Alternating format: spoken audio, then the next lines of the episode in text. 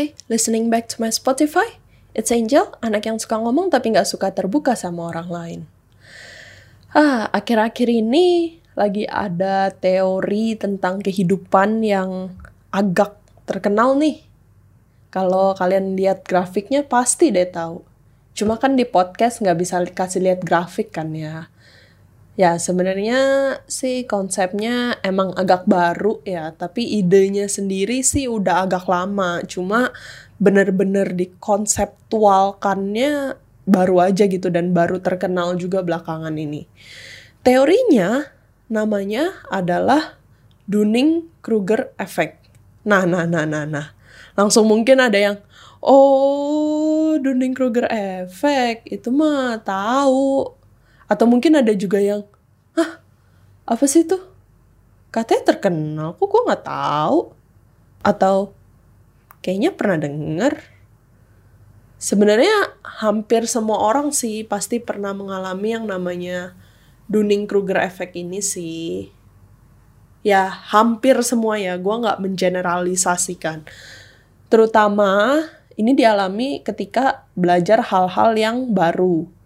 Awal-awalnya berasa kayak paling tahu sendiri, berasa udah expert, berasa kayak uh, hebat banget, berasa kayak oh gue udah udah master nih soal ini gitu. Padahal nguliknya aja baru seminggu gitu. Misalnya. Tapi ketika misalnya terus dihadapkan dengan kenyataan atau ketemu expert yang sesungguhnya yang benar-benar expert yang udah menggeluti dunia ini selama berpuluh-puluh tahun, ternyata baru sadar gitu kalau masih banyak yang belum diketahui gitu.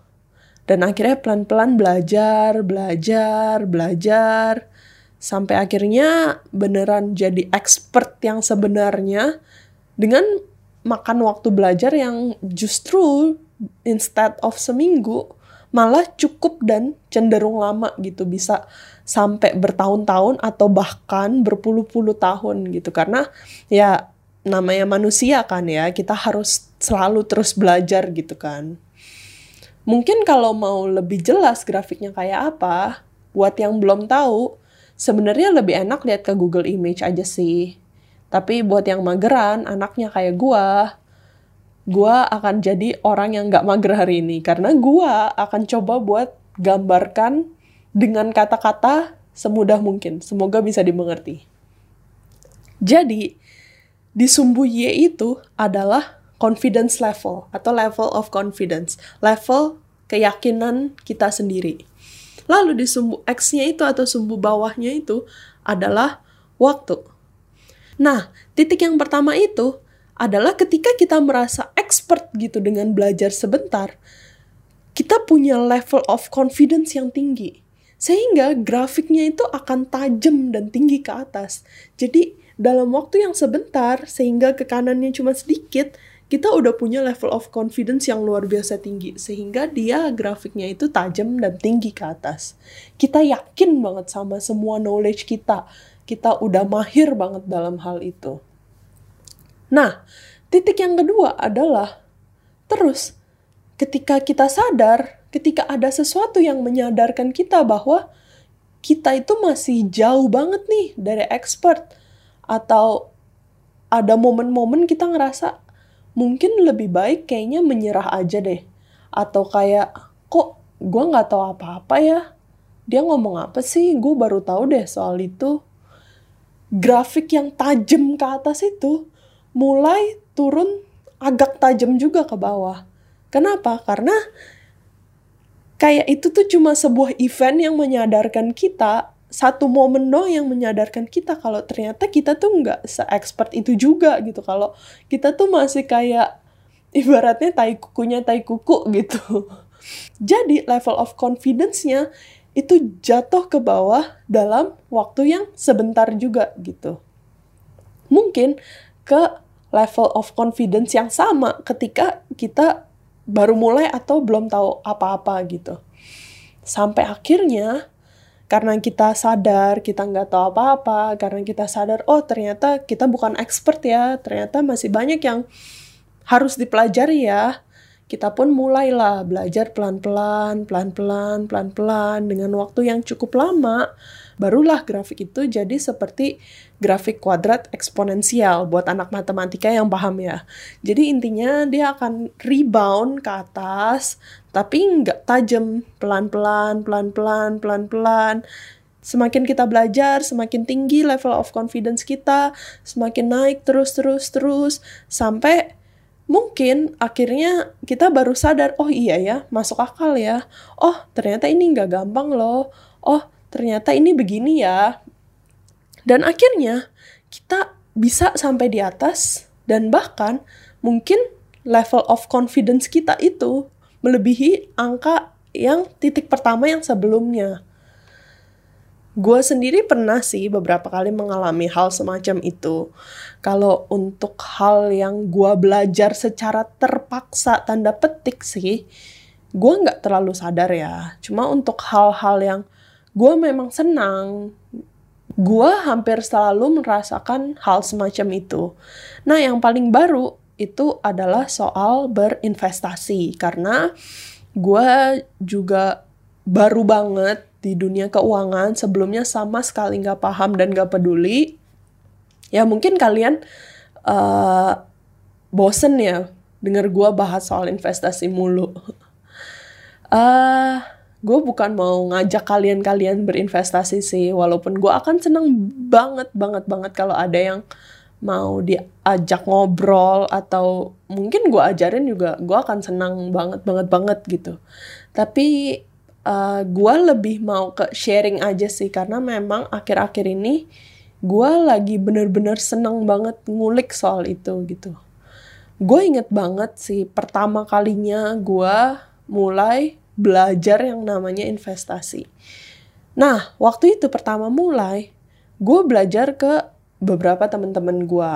Gue tanya saham itu gimana, gue tanya investasi itu apa, reksadana itu gimana dan kayak mereka instantly langsung bilang udah beli X aja soalnya bagus katanya akan naik.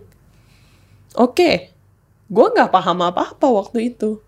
Ya udah gue ikutin aja. Terus gue coba belajar belajar sendiri juga dari YouTube dari uh, Instagram dari banyak sumber deh dari internet gitu kan. Dalam waktu cuma satu bulan kurang lah kurang lebih lah. Dan akhirnya gue ngerasa, oke, okay, gue agak paham nih kenapa temen gue merekomendasikan X itu. Gue jadi berasa expert banget pas itu.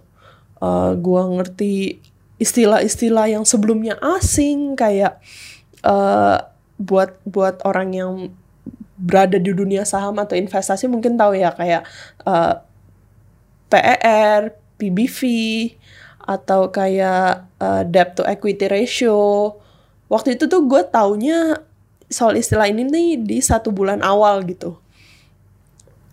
Gue keluar sana keluar sini kayak oh gue beli saham ini soal ini, gue beli saham ini soal ini biar gue terlihat pintar gitu. Gue pamer ke orang-orang, gue beli X dan alasannya gue beli X.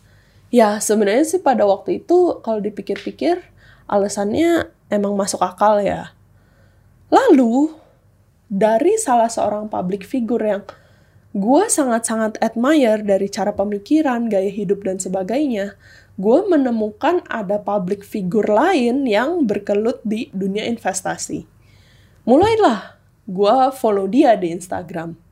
Awalnya mungkin dapat istilah-istilah baru gitu, tapi belum sampai kesentil kalau oh lu tuh bukan expert gitu.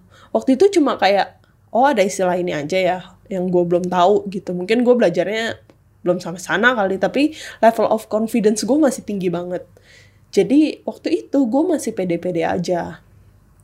Sampai suatu ketika gue belilah buku terbitan si public figure investasi ini. Pertama baca gue inget banget gue benar-benar bengong. Beneran gue bengong. Gue jadi ngerasa kayak kok gini? Biasanya yang gue pelajarin kok nggak gini ini apaan nih intrinsic value, margin of safety, dan lain-lain. Ya mungkin buat yang seorang investor atau murni investor bukan karena nyangkut terus jadi investor atau mungkin buat yang pernah belajar at least soal investasi paham lah ya istilah-istilah ini. Tapi waktu itu gue yang ngerasa kalau gue udah expert, gue jadi ngerasa kayak uh, apa ya bahasanya kayak kayak hilang gitu. Akhirnya di situ rasa confidence gue bener-bener turun banget sih. Tapi karena dasarnya emang udah seneng dengan hal investasi gitu, seneng nguliknya, gue jadi cari tahu lah lebih banyak lagi. Gue belajar lebih banyak, bahkan sampai ikut kelas yang diselenggarakan sama public figure itu. Jujur awalnya ragu, tapi karena public figure pertama yang gue admire, juga belajar sama orang ini, jadi oke okay, gue yakin gue mau belajar gitu agak mahal memang, tapi under value lah kalau bahasa investornya gitu. Intinya gue bisa dapat value yang lebih dari yang gue bayarkan. Di situ gue baru tahu tuh kalau yang gue belajar sebelumnya itu mungkin cuma kayak 0,5 persennya aja kayak kalau dipikir-pikir lucu sih baru belajar 0,5 persennya terus gue udah ngerasa expert gitu waktu itu. Makanya waktu itu gampang banget kayaknya makanya kok kayak nggak susah gitu. Ya wong ternyata ribet banget belum kelihatan dan belum dibahas di video-video yang ada di YouTube gitu. Uh, kalau sekarang level confidence gue memang mungkin belum sampai sih ke level di mana gue saat pertama kali belajar itu. Tapi ya di situlah seninya gitu kan. Gue jadi akan selalu belajar terus karena seiring perkembangan zaman kan akan ada selalu sesuatu juga yang baru gitu kan. Apalagi di dunia 4.0 ini gitu. Misalnya aja saham-saham teknologi yang baru mulai melantai di pasar saham yang pasti perusahaan teknologi kayak Bukalapak atau Tokopedia dan Gojek itu yang nggak akan bisa disamakan lah sama perusahaan lainnya yang non teknologi gitu kayak Indomie jualan mobil. Ya jadi sebut merek. Ya udahlah pokoknya gitulah ya. Hmm. Well, sekarang gue sih masih coba untuk cari cara supaya nggak terjebak di grafik yang sama itu lagi, itu lagi gitu. Untuk nggak kepedean dulu, terus jatuh, baru belajar pelan-pelan gitu kan. Karena karena menurut gue sendiri, grafik itu bisa berujung kedua arah yang berbeda sih setelah di titik pertama tadi, setelah jatuh. Dia bisa aja selamanya jatuh dan akhirnya confidence levelnya mungkin stagnan di angka 0 alias udah menyerah, nggak mau coba lagi. Atau ya kalau emang seneng, bener-bener seneng, bangkit lagi dan mulai belajar pelan-pelan gitu. Uh, rasa-rasanya setelah coba-coba berada di puncak level confidence alias sombong, itu somehow untuk beberapa case kayaknya agak perlu deh kalau argumen gue sendiri ya untuk nge-push kita untuk belajar lagi sih kalau emang kita seneng sama hal tersebut hmm, kalau kalian gimana pas pertama dengar soal Dunning-Kruger effect ada kejadian yang kalian alami yang langsung kepikiran nggak? Mungkin itu aja untuk hari ini. And talk to you on next Friday. Bye-bye.